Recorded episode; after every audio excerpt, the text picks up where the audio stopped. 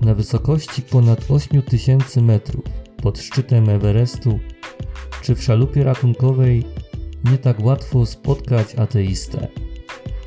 Te słowa słynnego brytyjskiego podróżnika, alpinisty Bera Grylsa pokazują, że dopiero w skrajnych sytuacjach człowiek rzeczywiście może określić, kim jest, kim był i jak wyglądało jego życie.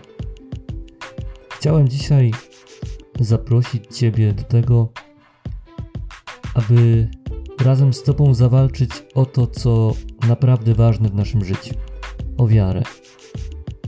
Chcę tak jak Bear Grylls zawalczyć o to, co może niemożliwe. Chcę razem z Tobą zdobyć Mount Everest wiary.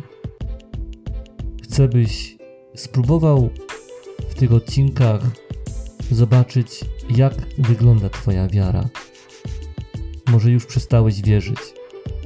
Co zrobić, by na nowo ją zdobyć?